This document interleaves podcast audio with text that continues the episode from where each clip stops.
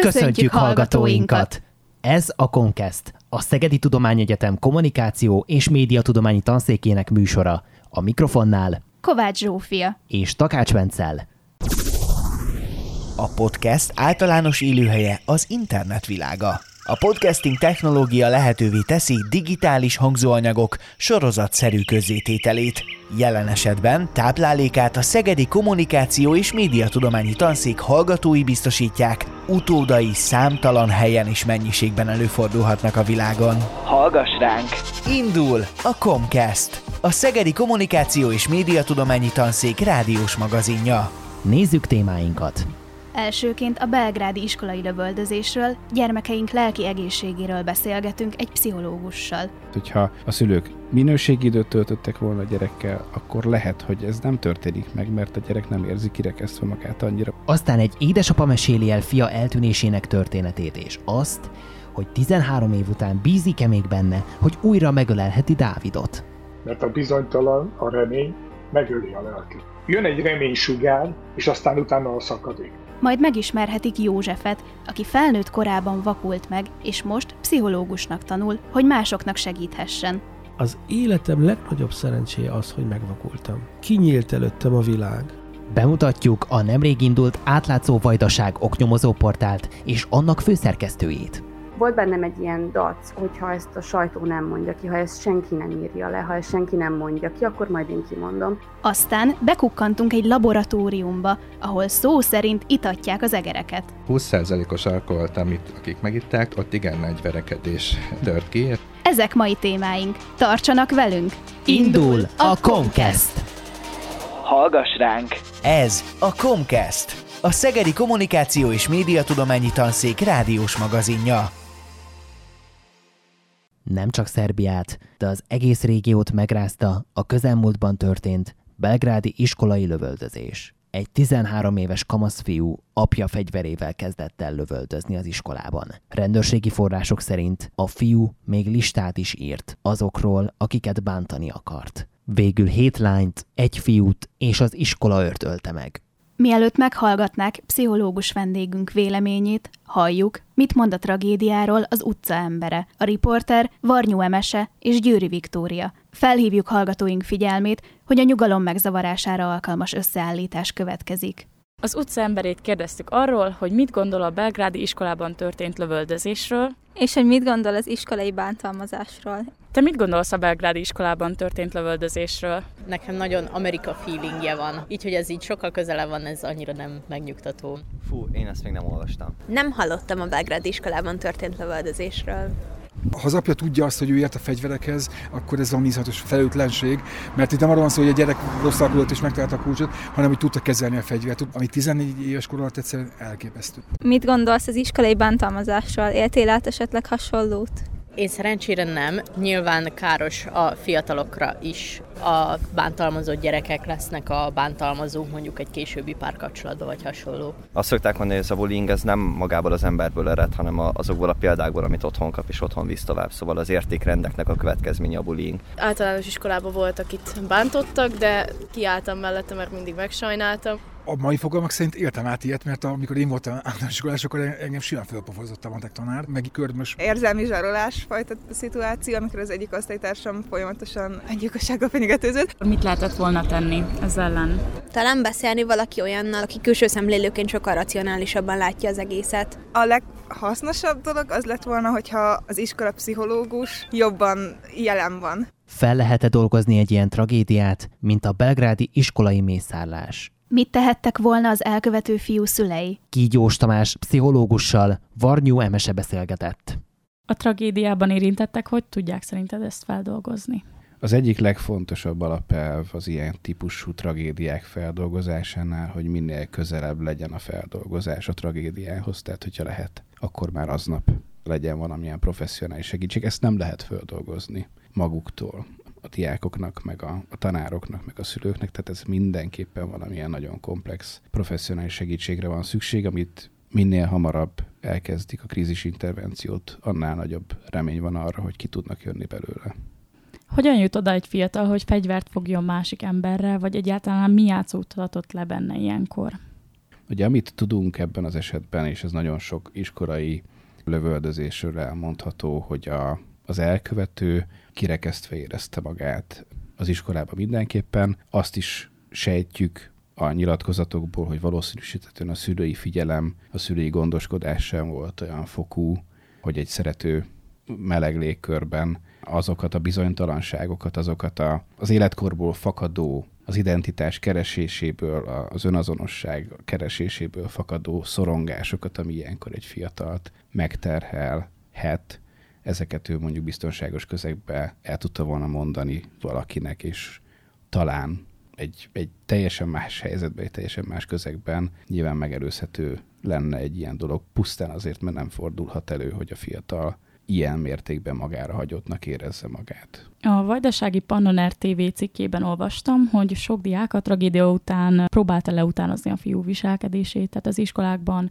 játékfegyvert vittek, és akkor ebből üztek poént. Mi erről a véleményed, vagy mit tudsz mondani erről a jelenségről? Azt gondolom, hogy ez életkori szempontból egy teljesen jogos következmény, hiszen láttak egy mintát, látták azt, hogy konfliktusok rendezésének egy módja az, hogyha fegyvert rántunk, ami nyilván társadalmi szempontból és egyéni szempontból is egy szörnyen rossz stratégia, tehát nyilván nem így intézzük el konfliktusainkat, vagy normatívan nem így kéne elintézni a konfliktusainkat, csak hogy ugye erre rárakódik két olyan nagyon tág kontextus, ami ezt még inkább lehetővé teszi. Az egyik az az, hogy egy olyan időszakban élünk jelen pillanatban, amiben azt tapasztaljuk, hogy a fiataloknak, akik ugye az elmúlt három évből kettőt mondjuk otthon töltöttek a a pandémia miatt és az oktatásban nem úgy tudtak részt venni, hogy azok a járulékos folyamatok, amik az iskolába járással meg megtörténnek, összetalálkozunk a folyosón, összeveszünk, stb. Hogy azok a társas készségek, amik ilyenkor kialakulnak, azok náluk nem annyira jól alakultak ki, sőt elég aggasztóak a számok az OECD felmérései szerint, illetve egyes oktatási rendszerekben átfogó felmérések szerint. Ugye a szociális készségek azok elég rosszul alakulnak ebben a korosztályban, tehát a konfliktusok kezelése klasszikusan egy olyan dolog, amit nagyon nehézkes elsajátítani, és nagyon könnyű az agressziót tekinteni megoldásnak. Mert akkor igen, tehát akkor nem szól még egyszer vissza, stb. stb.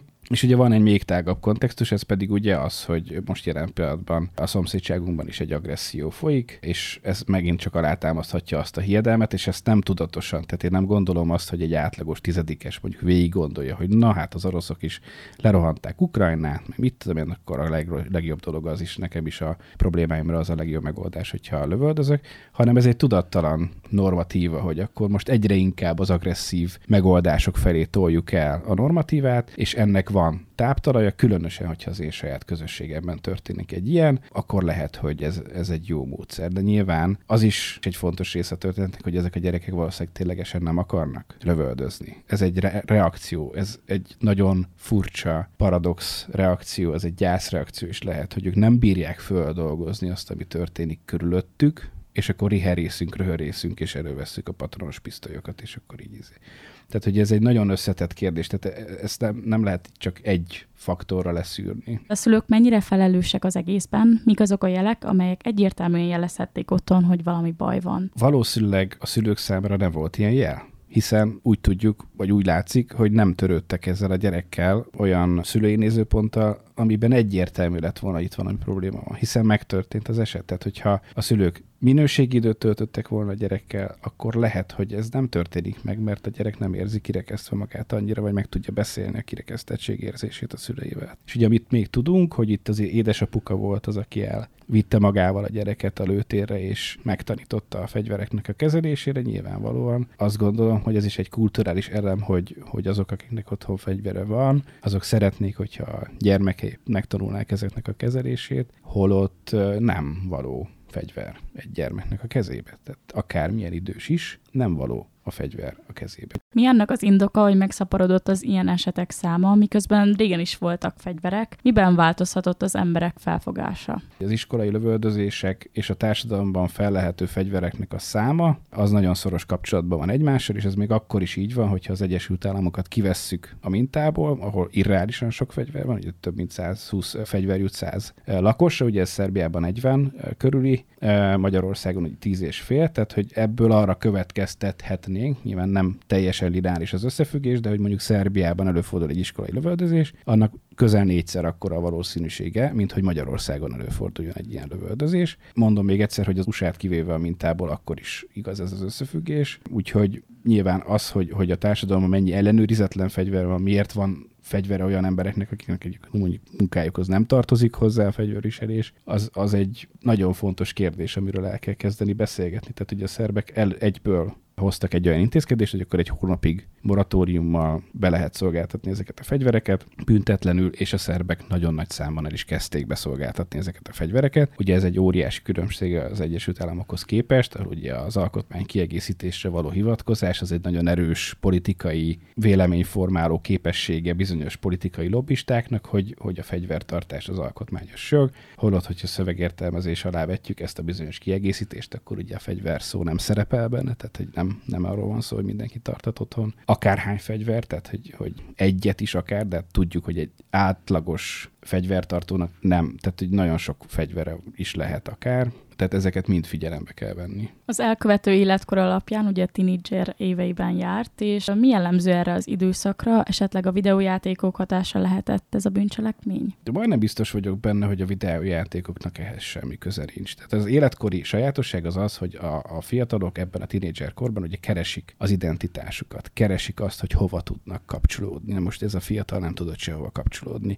Ő neki az volt az alapélménye, hogy ő nem jó semmire, nem jó sehova ez jóval erősebb motiváció az agresszióra, mint hogy akárhány videójátékot kipróbál valaki. Tehát a, a pszichés fejlődés történetben az, hogy egy nagyon érzékeny korban egy nagyon erőteljes elutasítás jön minden olyan oldalról, ahol én próbálkozok, az jóval erősebb motiváció az agresszióra, mint a többi. Hogyan és kiknek jelezhetik a diákok, hogy iskolai bántalmazók áldozata, mi a teendő ilyenkor?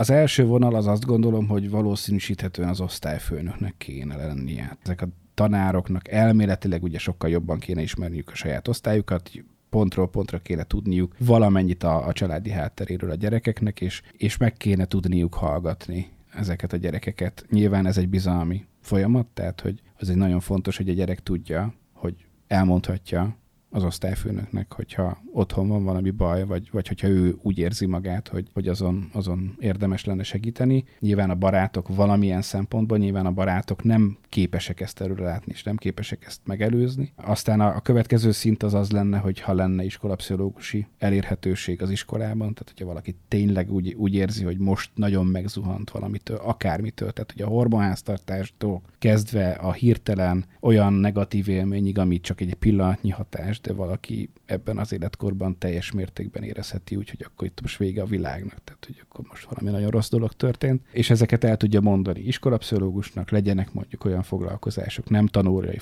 foglalkozások, ahol ezeket a dolgokat föl tudják dolgozni drámával, művészettel, akármilyen jellegű foglalkozással. Nyilván aztán következő lépés az iskola vezetése, tehát az iskola vezetésének milyen elképzelése van arról, hogy mi folyik az iskolában. Én nagyon-nagyon sok iskolában jártam. Egy elképesztően keveset tudnak arról az iskola vezetők, hogy mi történik a saját iskolájukban. Ez itt Magyarországon volt, de nem nagyon gondolom, hogy Szerbiában gyökeresen más lenne a helyzet. És már ez is egy nagyon fontos, hogy, hogy fogadják az iskola vezetők a visszajelzéseket, és hogy problémák vannak, akkor ne a szőnyeg alá söpörjék, meg nem megpróbálják bebizonyítani az embereknek, hogy de hát nincs is itt semmilyen probléma, hanem vegyék komolyan, oké, okay, igen, valamit valószínűleg rosszul csináltunk, vagy valamilyen külső hatásért minket, amivel foglalkoznunk kell. Tehát például itt is, hogyha az iskola vezetése felelősen gondolkodik, akkor azonnal fölhívják a minden bizonyal elérhető szerb krízisintervenciós telefonszámokat, honlapokat megnézik, hogy kit lehetne akkor rögtön bevonni a, a gyászfeldolgozásba, abba, hogy valahogyan megnézzük, hogy az iskolának a kultúrája az hogyan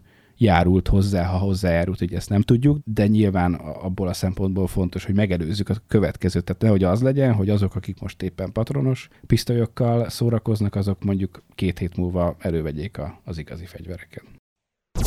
Ez a Comcast.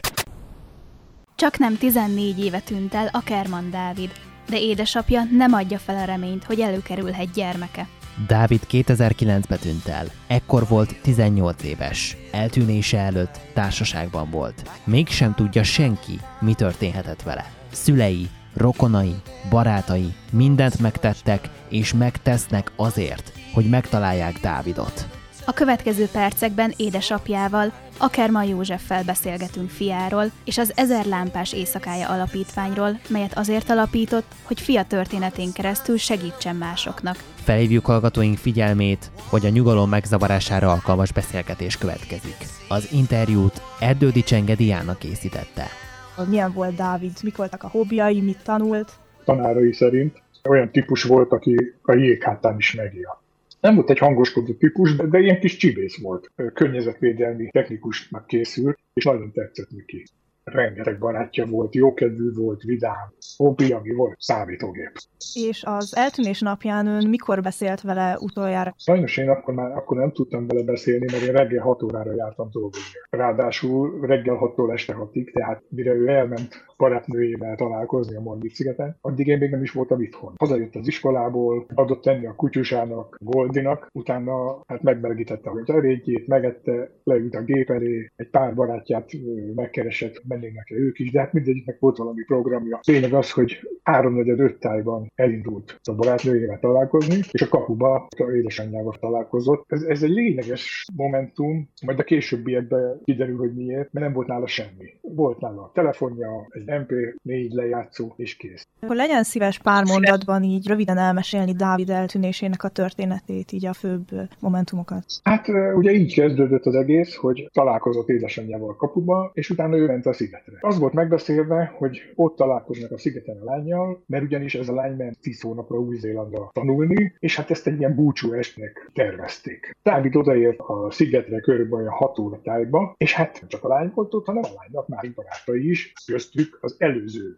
barátja. A barátnő és a barátnőnek két közvetlen barátja, a Zsófi nevű, meg a Gábor nevű, úgy írták le a Dávidot, hogy nagyon zavart állapotban volt, volt nála egy flakon, amiben valami zavaros löty volt, és hát ez a Gábor, hogy ő szerinte harangvirág teját ivott. Na most ugye harangvirágot Dávid nem is ismerte, mert hogyha Gábor arra a virágra gondolt, ami nekünk volt, az a trombita virág. Tehát ők hárman ezt mondták. A másik három gyerek azt mondta, hogy a Dávid nem volt se zavart, se rosszul létet nem láttak nála, hanem inkább, hogy egy kicsit olyan magába fordult, olyan kicsit szomorú. Hát mondjuk nem is csoda, hogyha látta, hogy nem csak a lány van ott, és ott van a lánynak az előző barátja is. Most ugye ők, ők a Margit hídtól, a Pesti oldalon, az első mólon ültek, és még utóbb kiderült, hogy volt ott vízipipa, volt főves cigi is, de hát ebből egyet egyet szívtak állítólag. Azt viszont nem tudta megmondani egyik sem, hogy a Dávid szívott előle. És olyan fél nyolc, három, nyolc tájban elindultak Margit híd felé, mert meg volt beszélve, hogy mennek az arckiállítást is megnézni. A társaság egyik része, ugye az a barátnő és a két barátja úgy mondták, hogy nem figyelték a Dávidot, de a Dávid, hogy lele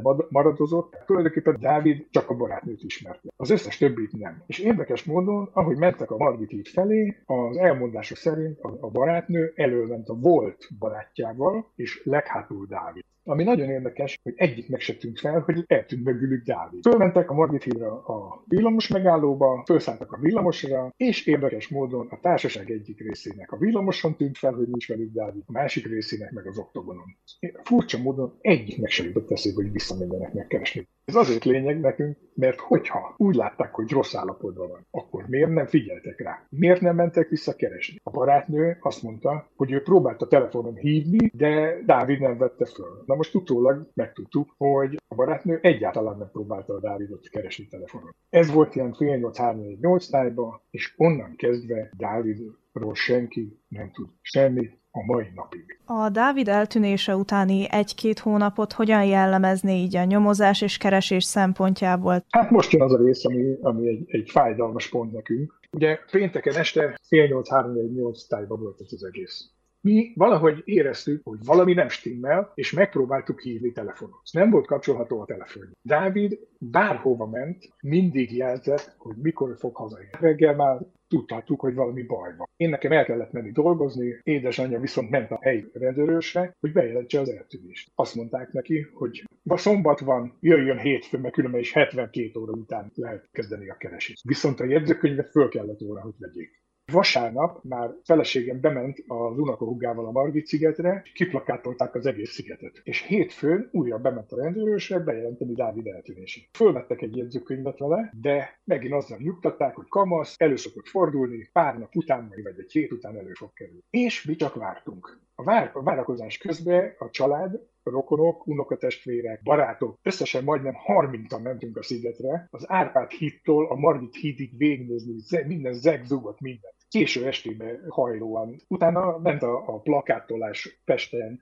megkerestük a mávot, rendkívül segítőkészek voltak, megkerestünk rádiókat, tévéket. Szeptember 11-től szeptember 22-ig annyi mindent mondhattunk meg, hogy felsorolni is nehéz. Szeptember 22-ét azért említem, mivel fölhívtam a helyi rendőrös parancsnokát, hogy tudna valami tanácsot adni, hogy mivel, mivel segítsünk mi, hogy amivel meg tudnánk gyorsítani a keresést. Kérdeztem tőle, hogy hát hogy tudnánk személyesen beszélni, hogy elmennék hozzá, hogy beszéljünk személyesen ez ügybe. Azt mondta, hogy hát sajnos most nem jó, mert indulnak lövészetre. Mondom, jó, hát akkor lövészet után. Hát az se jó, a mai nap semmiképpen sem jó, mindjárt megnézi a naptárjába. Na, ez volt nekem a gyújtózikra, és abban a pillanatban robbantam. Mondtam neki, hogy 5 percen belül ott vagyok nála, ha akarja, beszéljünk. Valószínűleg érezte a felindultságomat, azt mondta, hogy menjünk Monoi kapitányságra, ott a bűnügyi osztályvezetőjét keressük, és majd ott megy a többi.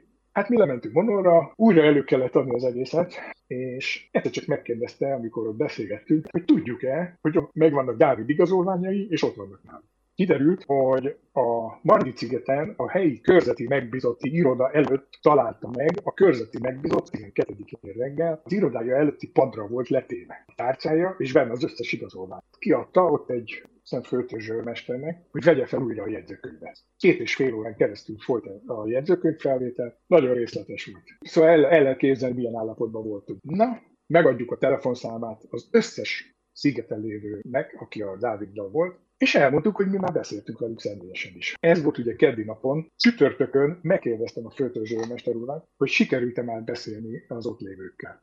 Azt mondta, hogy nem éri el őket telefonon. Tehát innen látszik, hogy 13 napig abszolút semmi nem történt. Azon kívül, hogy még egyszer fölvették a jegyzőkönyvet. Közben a becsési polgárőrök látták, hogy mi történt, és megkerestek minket, hogy mibe tudnának segíteni. És a vezetőjükkel egyetemben hihetetlen sokat segítettek. Volt, hogy éjjel jött egy telefon, hogy Óbudán, mintha látták volna Dávid. A becsési polgárőrök éjjel beültettek az autóba, és oda mentünk az Árpád híd mellé keresni Dávid Szeptember 30-án, mert úgy látszott, hogy megint leül a dolog, feleségem írt az akkori országos rendőrfőkapitánynak egy levelet, hogy legyen szíves valamilyen úton módon odahatni, hogy hát történjen már valami. Na és innen átvette a Pest megyei rendőrfőkapitányság a Nemzeti Nyomozóiroda, és innen már mozdultak dolgok. De közben Hát mi szorgalmaztuk, hogy hát a, a Margit szigeten lévő kamerák felvételeit, hogyha meg tudnánk nézni. Még hogyha ha nem is annyira jók a felvételek, de hát a gyereknek a mozgásából, ahogy megy az úton, megismertük volna, hogy ott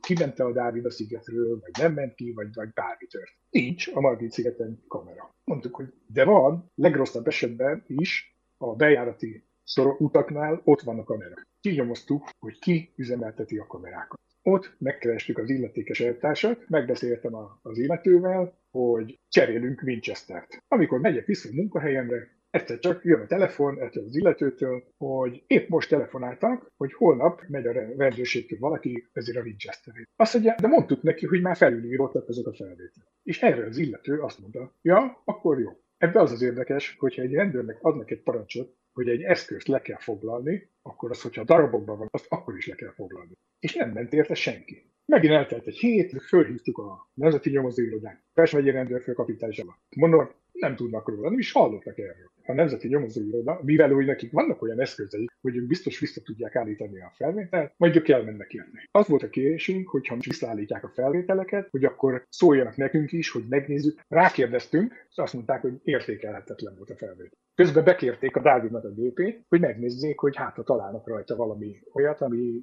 utalhat arra, hogy hova tűrhetett. Mondtam nekik, hogy ne töröljenek le semmit, mert hát ha Dávid hazajön, hát ő neki meglegyenek a dolgai. Visszakaptuk Dávid gépét, majd, hogy nem csontüres volt az egész. Hát és ez így ment. Hosszú-hosszú időn keresztül, amikor egyszer azt az információt kaptuk a Nemzeti Nyomozóirodától, hogy kiment a tűzoltóság, és szonárral végignézték a Dunát a parlamentig. Körülbelül október, közepe október második fele volt ez. Másfél hónappal később hol van az a Duna már, az a víz?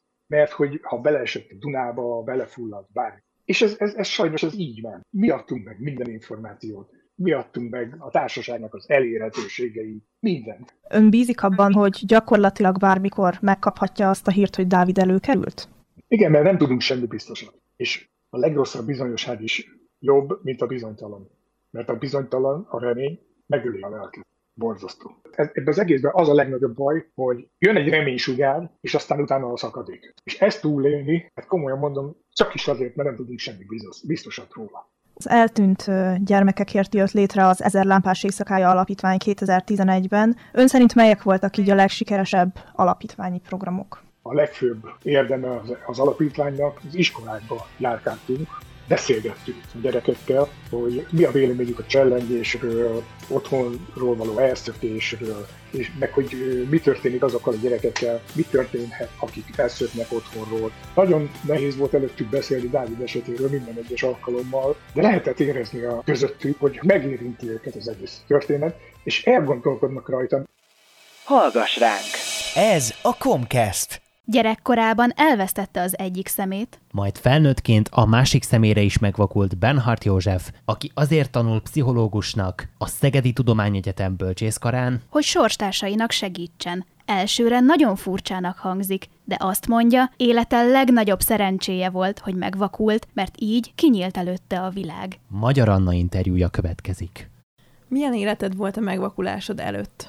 Izgalmas életem volt előtte is, de inkább a melósok élete volt az enyém.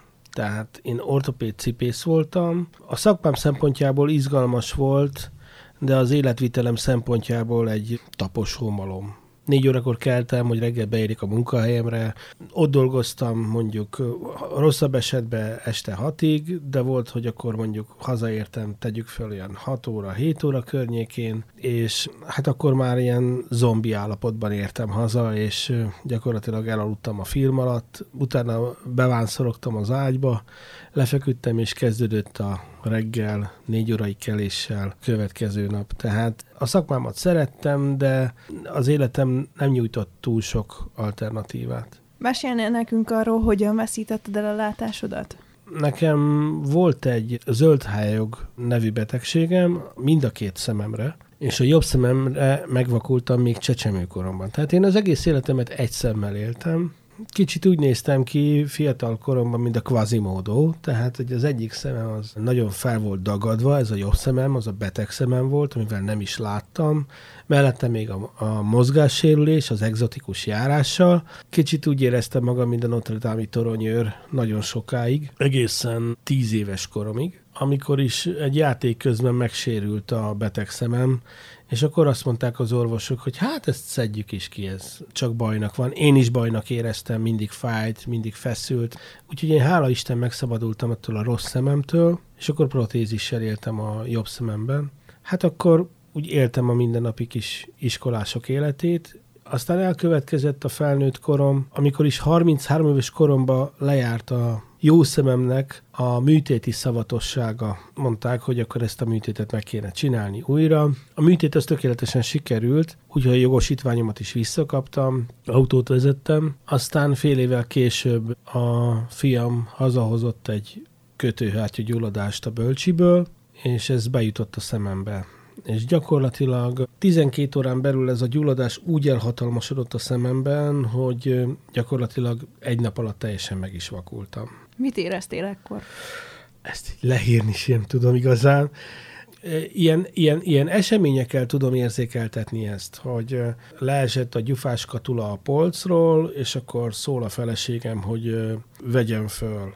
De mondom, nem látom nem hitte el, hogy nem látom. Tehát olyan hirtelen szakadt ez az egész vakság ránk, hogy egyszerűen fel sem tudtuk fogni. Rettegtem, mentem, kapcsolgattam a villanyt a fürdőbe, hogy mit látok még a fényből, és hogy húzogattam a szemem előtt az ujjamat, hogy látom még az ujjamat. Ugyanis nem tudtam rögtön orvoshoz kerülni, mert azt mondták, hogy majd reggel találkozunk, nem lesz semmi baj. Végül is mire reggel beértem a kórházba, addigra a doktornő gyakorlatilag, mikor meglátta a szemet, akkor elsírta magát. Nem úgy jött ki a számítás, hogy ő gondolta, meg ahogy én gondoltam, gyakorlatilag mind a kettőnk számára, a doktornő számára is, meg számára is ez egy tragédia volt, hogy gyakorlatilag ott, mikor aznap reggel bementem a kórházba, az a orvosok előtt már teljesen nyilvánvaló volt, hogy a szememet nem tudják megmenteni. Egyedül voltam, és nem tudtam ezzel kezd- kezdeni semmit. És talán egy kicsit előre szaladva ezért is lettem pszichológus hallgató, ezért is választottam azt, hogy én az új életemben pszichológus leszek, és a, a vakokat fogom segíteni, a, a, a tragédiába esett embereket, a krízisbe esett embereket, mert amikor én ott és akkor krízisbe estem, akkor nem volt mellettem szakember, nem volt mellettem egy pszichológus. Ha lett volna mellettem egy szakember, mondjuk én ültem volna saját magam mellett, akkor fogtam volna a kezemet egész nap, amíg szükségem van rá. Eldöntöttem magamba, hogy ha tudok segíteni másoknak, ha egyszer végzett pszichológus leszek, és lesz lehetőségem segíteni olyan embernek, aki megvakul, akkor addig fogok az ágya mellett ülni, ameddig neki szüksége van rá. Hát aztán hazakerültem, otthon még akkor nem tudtam feldolgozni a vakságot.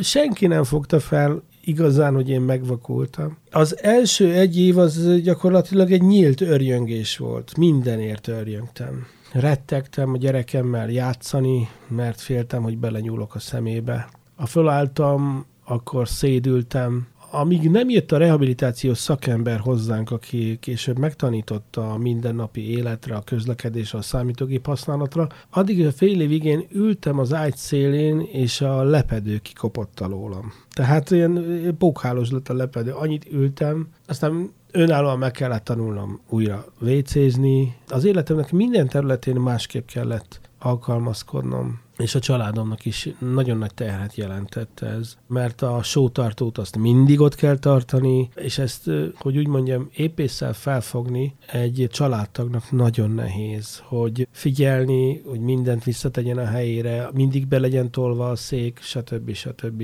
És főleg akkor nehéz egy új család, ebben az új helyzetben egy családtagnak, amikor a krízisben létező, élő ember, az még nem dolgozta fel a krízisét, tehát nem tud békében, nyugodtan élni, nem tudja elfogadni a saját megvakulását. Szóval egy, gyakorlatilag az az első egy év az egy merő tragédia volt. Ezután az egy év után hogyan tudtad újraindítani az életedet? Ilyen lassú átmenettel ment ez a dolog. Első lépésben ugye elkezdtem leírni, ami velem történt. Ez volt a, a terápiának, a saját terápiámnak az egyik legfontosabb lépése, hogy elkezdtem leírni regény formájába. Hitelesen, de mégis regény formájában saját magamról, hogy mi történt velem. És akkor írtam egy könyvet, hogy életrajz, avagy élet a látás után.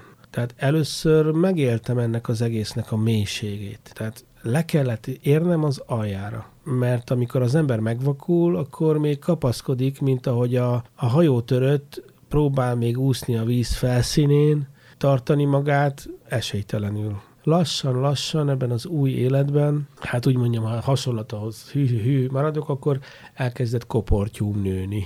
Ebben az új életben új alkatrészek, lelki, szellemi alkatrészek kezdtek kifejlődni. Ilyen volt az írás például. Ilyen volt a zene, elkezdtem újra klasszikus gitározni. Tehát elkezdtem kiélni a feszültségemet, a belső feszültségemet gyakorlatilag költészetbe, írásba, menet közben aztán kiköltöztünk Angliába, mert a vállalkozásunk ugye meghalt, azzal, hogy én megvakultam, és a, el kellett tartani a feleségemnek egyedül a családot. Testvéremhez költöztem, fiammal, miután kiépült Angliában a hídfőállás, feleségem kiépítette, albérletet vett ki, és mentünk utána, és így fent tudtuk tartani magunkat. Menet közben ugye ezt feldolgozni, mert valaki, egy házastárs nem erre szerződött, vagyis erre szerződött, de amikor a valósággá válik, hogy jóban, rosszban, szegénységben, betegségben, akkor derül ki, hogy valóban képes-e a házastárs ezt elviselni, és a feleségem ezt nem volt tovább képes elviselni, és Angliában elváltunk.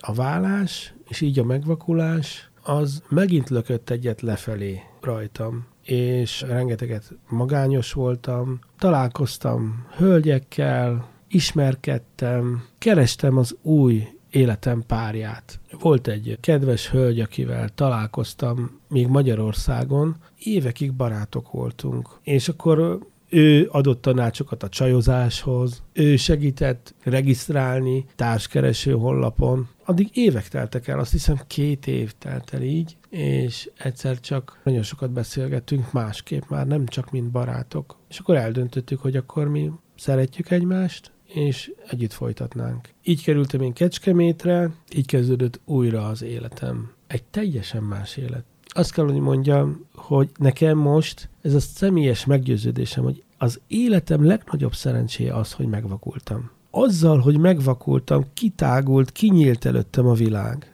Mert korábban említetted, hogy miért választottad a pszichológia szakod. Hogyan fogadtak téged az egyetemen, akár az oktatók, akár a hallgatók? Szépen be tudtam simulni a csoportársaim közé, a tanárok is egészen jól kezelték a, a, a nemlátásomat, tehát mára már egészen jól együtt tudtunk működni, és közös kutatásunk volt. Mit üzennél azoknak, akiket hasonló tragédiaért milyen inspirációt adnál át nekik az interjún keresztül? Ha valakit egy ilyen tragédia ér, hogy megvakul, az próbáljon meg először is elcsendesedni, és megismerni saját magát mert kénytelen lesz saját magából olyan erőforrásokat felhozni, amiket még nem is ismer. De vannak minden emberben olyan erőforrások, amiket látva, vagy a tragédia nélkül nem mozgósítunk. És ha elért bennünket a tragédia, akkor az a fontos, hogy ezeket a belső tartalékokat, ezeket a titkos tartalékokat, amiket még sosem használt, azokat szépen lassan kibontja, és megtanulja használni. És keressen segítséget, nem minden ember fog segíteni, van, aki nem alkalmas arra, hogy segítsen, de addig kell kitartóan keresni, míg nem találjuk meg azokat a gyémántokat, akik velünk vannak és segíteni tudnak. Ez a Comcast.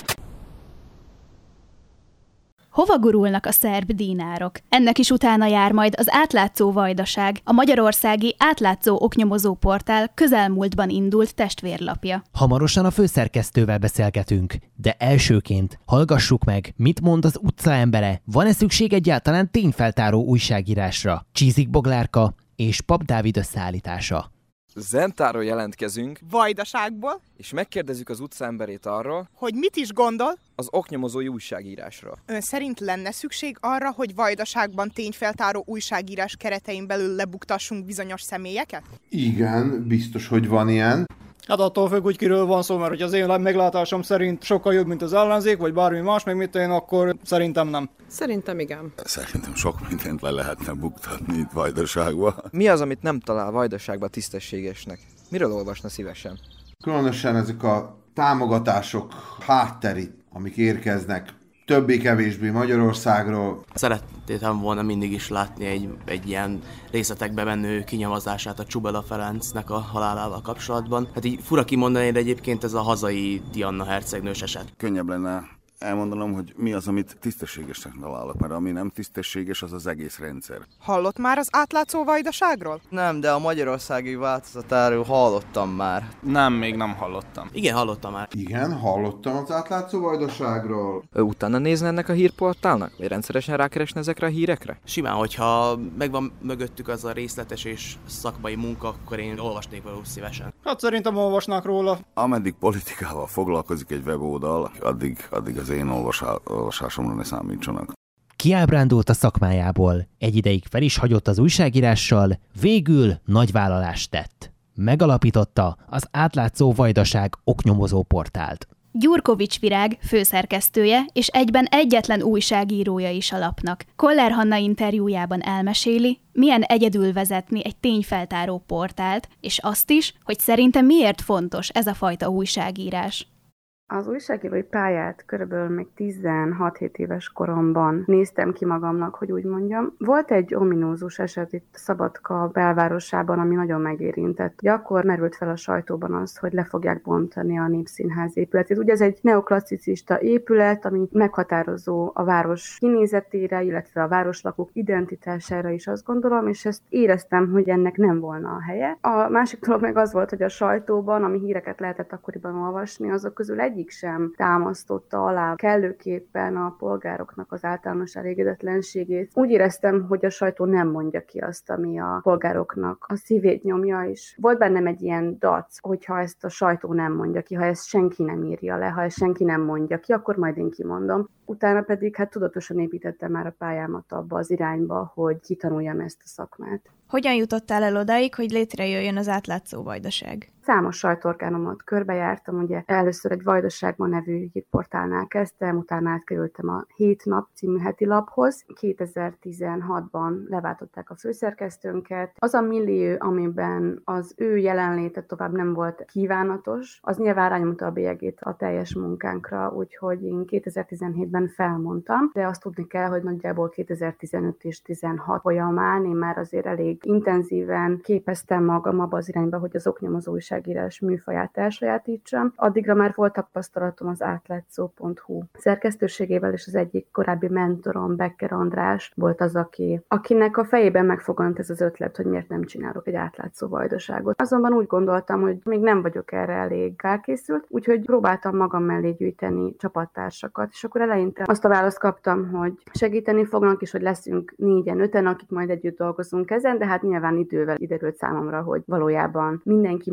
máshogy rendezte be az életét, és hogy senkinek az életében nem fér bele az, hogy most egy saját portált elindítsunk, főleg nem olyat, ami ennyi munkával jár, és ennyi erőfeszítést igényel. Kicsit megijedtem ettől a feladattól. Azt gondoltam, hogy nem fogok tudni egyedül megtölteni egy egész hírportált, nem fogom tudni egyedül a szerkesztést, meg egyáltalán a munkafolyamatot végezni, nem beszélve az adminisztrációs háttérről, ugyebár, meg a pályázatírásról. Úgyhogy én akkor elálltam ettől az ötlettől, és hát majd, hogy nem az újságírói pályát is elhagytam. Volt néhány éves szünetem, utána egy idő után szabadúszóként ugye visszatértem, néhány portálra dolgoztam. Ilyen volt például a felvidéki Dunst, ami akkor nagyon sokat jelentett nekem, később az autonómia portál, az már ugye itt van nálunk Vajdaságban. 2022 tavaszán újra gondoltam azt, hogy miért is nem csináltam meg az átlátszó Vajdaságot, és akkor rájöttem arra, hogy azok az indokok, amelyek akkor visszatartottak 2017-ben, azok ma már nem állnak fel. Elhiszem azt, hogy meg tudom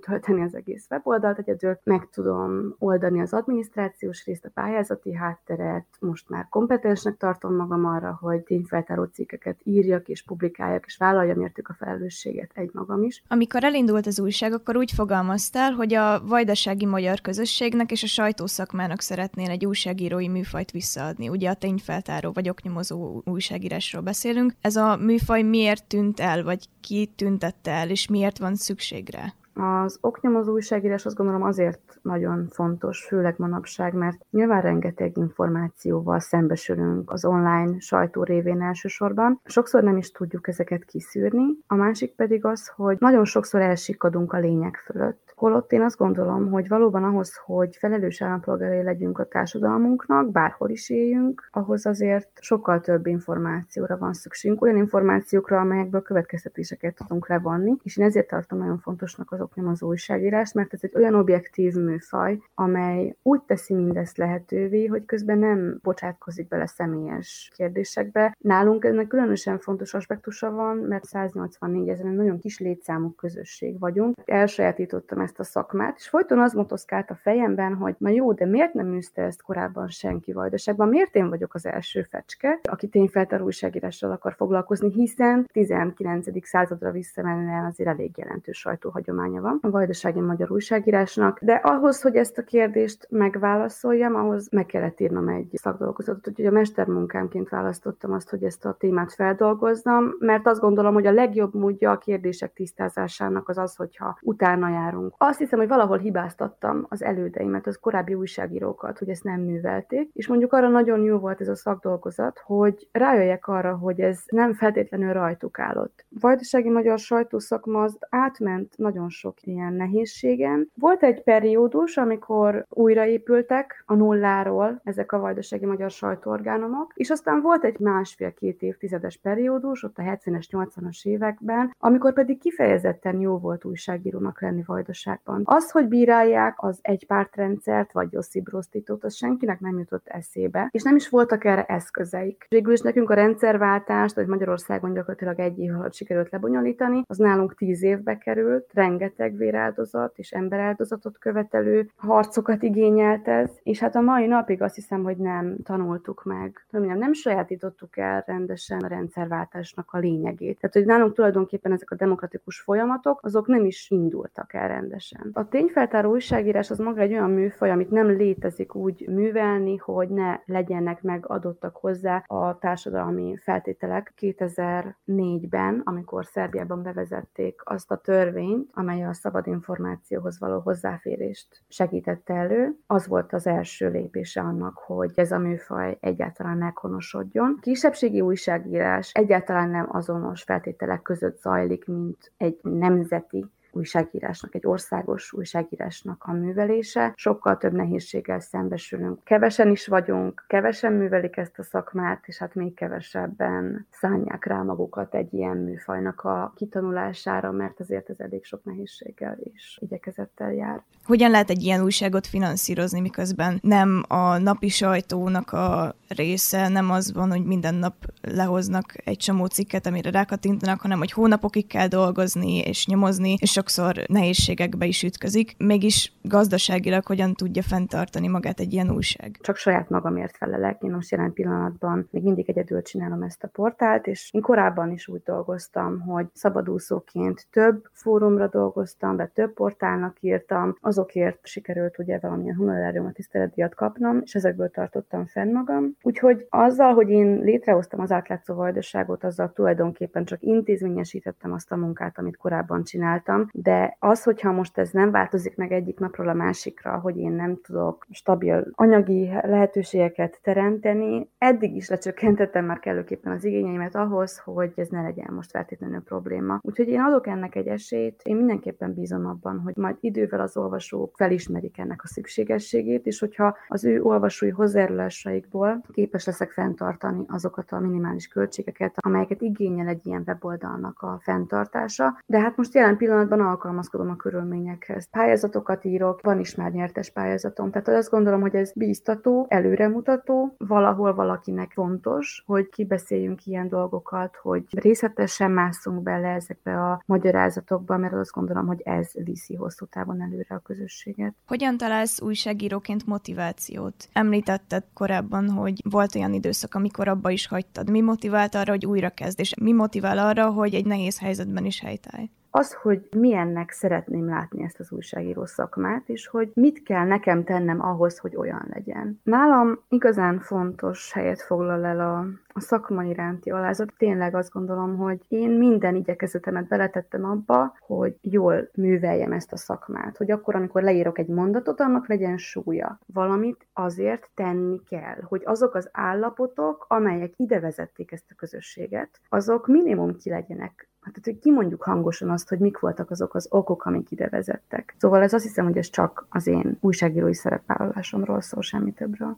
Milyen emberek alkotják a lap célközönségét? Magyarországon egy 180 ezres kisváros, az nekünk az egész kulturális tőkénk. Tehát, hogyha azt kérdezed, hogy ki a célközönségem, azt gondolom mindenki. Beleértve azokat is, akik még itt vannak, azokat is, akik már elmentek, azokat is, akik bármilyen úton, módon kötődnek hozzánk, Mik a további terveid az újsággal? Én nagyon szeretnék egy munkatársat, még úgy is, hogyha nem újságíró feltétlenül, de mondjuk le tudja venni a vállamról azokat a terheket, amelyek az adminisztrációval, vagy sokszor az adatbázisoknak a felépítésével, megtisztításával jár. Nagyon sokszor, amikor én közérdekű adatot igényelek, akkor azok a szervek, amelyek egyébként kötelesek ugye ezeket az adatokat közrebocsátani, azok közel is adják ezeket az adatokat, azonban igyekeznek megnehezíteni a dolgomat. Például, amikor én kikérem egy közintézménynek, amely ugye közpénzekből, vagyis adófizető polgároknak a pénzéből tartja fenn magát. Mondjuk a pénzügyi kimutatásokat kinyomtatják, majd visszaszkennelik, ami nyilván egy olyan formátum, ami teljesen kezelhetetlen egy újságírónak, főleg, hogyha több száz oldalról beszélünk. Mondjuk egy 150 oldalas dokumentumból, hogy én Excel tervezetet csináljak, az nekem rengeteg idő. És ezt az időt nem érdemi munkával töltöm, azzal, hogy próbálok az adatokból következtetésekre jutni, és azokat egy átlagolvasó számára fogyaszthatóvá tenni, vagyis az én újságírói szellemi munkámmal, hanem azzal töltöm, hogy abból a beszkennelt adattáblázatból megpróbálok egy digitálisan is olvasható formátumot, vagyis például egy Excel-t csinálni. Napokat vesz igénybe, és azt gondolom, hogy ez például egy olyan munka, amit bárki más megcsinálhatna helyettem, és akkor sokkal több energiám maradna mondjuk arra, hogy érdemi cikkekkel foglalkozzak. Hallgass ránk! Ez a Comcast. Gondolta volna, hogy a részegegerek dülöngélnek, sőt, akár verekednek is egymással? Ez derült ki egy szegedi kutatásból. Az állatok jellemzően nem isznak önszántukból alkoholt, de van olyan egérfajta, amelyik igen. A tudományos vizsgálat lényege az, hogy kiderüljön, milyen hatással van az alkohol és a nikotin az állatokra, és mi a hasonlóság az egerek és emberek között. Vendégünk Bagosi Zsolt, a Szegedi Tudományegyetem docense, Pap Dávid és Kali Csanád interjúja. Az alkohollal kapcsolatos kísérlet lehet intraperitoneálisan, tulajdonképpen a hasőrbe fecskendezni, injektálni, de alapvetően ott van egy bizonyos egértípus, ez a C57BL6-os, vagy úgy is mondják, hogy Black Six röviden, ami magától is megissza. Mert a legtöbb állat nem olyan buta, hogy megigye az alkoholt, vagy elszívjon egy cigit, de alapvetően ez, ez a típus, ez magától is megissza igazából alig szükséges némi gyakorlás. Ugyanakkor mondjuk többet iszik, amikor este sötétben tartjuk. És van-e bármilyen magyarázat arra, hogy éjszaka világosban és nappal meg sötétben tartjátok az állatokat? Igen, ez azért szükséges, mert az egerek, bár hasonlóan az emberekhez egyébként nappal aktív és éjjel alvó, többnyire alvó állatok, viszont ahogy mondtam, több alkoholt isznak sötétben, ezért egyébként maga a módszer neve is a sötétben történő ivás, és ezért kénytelenek vagyunk igazából éjszaka világosban, nappal pedig sötétben tartani, mivel ekkor isznak, és hát igazából az asszisztensek ekkor, ők is ekkor van több, vannak többnyire ébren, úgyhogy rögtön az alkoholivást követően meg tudják vizsgálni az állatot. Itt is egyébként szorongás, depressziót, szociális interakció teszteket alkalmaztunk. Milyen alkoholt használtok? Gondolkodtunk azon, hogy egyébként adunk a sört, ugye, aminek kb. 4-5 százalék az alkoholtartalma, bort, aminek mondjuk 13-14, hát különböző, akár viszkig is elmentünk volna, de aztán rájöttünk, hogy inkább maradunk az olcsóbb és kevésbé beperelhető változatnál, a, a 20%-os alkoholnál. De volt egy olyan kísérletünk, ahol végigvettük az 5, 10, 20 és 40 százalékos alkoholt, és hát az irodalomnak megfelelően a 20 százalékos isszák a legtöbben, és ez ezáltal éri el ez a, az előbb említett egér legkönnyebben azt a szintet, ami egyébként az úgynevezett rohamimivásnak felel mm-hmm. meg ami 8000 alkohol. Mennyire jellemző a rohamivás a mai fiatalokra, például most egyetemistákra? Hát vizsgálatok szerint, meg a, ugye a tapasztalatok szerint nyilván nagyon jellemző, már a 15 éves fiatalokra is, ami ugye a középiskolás kornak felel meg, már ott elkezdődik, és 40-50 százaléka már megtapasztalta ilyenkorra a rohamivást, illetve a részegséget, különböző hát legtöbbször környezeti hatásra, és hát nyilván a hallgatói állománynak megfelelő későbbi ugye pubertáskor és a fiatal felnőtt korra is igencsak jellemző. Ez a rohamivás, ami másik alternatív definíciója, azon kívül, hogy van egy bizonyos egységnyi alkohol, amit, ami definiálja ezt a rohamivást, van ennek egy olyan meghatározása is, hogy két órán belül eléri az illető a 8000 lékes alkoholszintet, és ezt próbáljuk egyébként az egereken elérni. Nem minden egér éri el egyébként ezt a szintet, azokat általában általában külön kezeljük, de a legtöbb eléri, és ez tulajdonképpen a részegségnek felel meg. Észrevettetek amúgy valamilyen változást az egereken, hogyha más-más alkohollal itattátok őket? Igen, mint mondtam, nem, végül nem alkalmaztuk a sör, bor, hát nem is tudom, likör, viszki stratégiát, de az 5 és 10 és 20-40 százalékos alkoholt, amit igazából tömény alkoholból oldottunk be, ez ilyen kísérlet volt, és azt kell mondjam, hogy a 20 százalékos alkoholt, amit akik megitták, ott, ott igen nagy verekedés tört ki, és konkrétan, hát személyi sérülés nem, de az egerek igen csak megsérültek benne. Érdekes mód az 5, meg a 10, meg a 40 százalékos alkoholból is kb ugyanannyi fogyott, de mégsem érték el ezt a részegséget és ennek a, ennek a hatását. Úgyhogy ilyen szempontból tudok mondani, hogy különbségek voltak, és maradtunk is innen kezdve a 20%-os alkoholkezelésnél, de ez, ez mondjuk emberre azért nem, emberben valószínűleg nem pont így történik. Mi számít rohamivásnak például egy embernél? Igen, a rohamivás az egyébként férfiakban ugye öt vagy annál több egységnyi, vagy mondom most standard alkoholos ital elfogyasztása. A nőknél ez valamivel kevesebb a négy egységnyi alkoholos ital elfogyasztása. Magyarországon ez olyan 10 g alkoholt jelent. És hát azt kell mondanom, hogyha így összevetjük akkor ezeket, hogy, hogy körülbelül három korsó sör, kétszer két deciliter bor, és mondjuk egy ilyen pohárka vagy kupica tömének a megívása két órán belül, ez számít igazából hivatalosan. Ha ez ismétlődik, ez a szokás átörökíthető és átvihető felnőtt korba, és ott viszont egy ilyen alternáló, ismétlődő rohamivás, másnaposság, ami úgy egyébként jellemző az ilyen típusú emberre, akár átmehet alkoholfüggőségbe is, és összességében az alkohollal kapcsolatos problémákat alkohol használati, vagy szerhasználati problémának nevezzük. Ez a Comcast. Ez volt a Comcast, a Szegedi Tudományegyetem kommunikáció és médiatudományi tanszékének havonta jelentkező rádiós magazinja. Köszönjük figyelmüket! A műsor elkészítésében részt vett Varnyú Emese, Magyar Anna, Erdődi Csenge Diana, Kalicsanád, Győri Viktória, Csizik Boglárka, Nádasdi Éva, Koller Hanna, Pap Dávid, valamint Nagy Laura, Kapás Csilla, Dankó László Pusztai Bertalan. és a felelős szerkesztő Hegedűs Márk. Búcsúznak a műsorvezetők, Kovács Zsófia, És Takács Vencel. Ha van kedvük, korábbi műsorainkat is meghallgathatják a Spotify-on. találkozunk a jövő hónapban is. A, a viszonthallásra!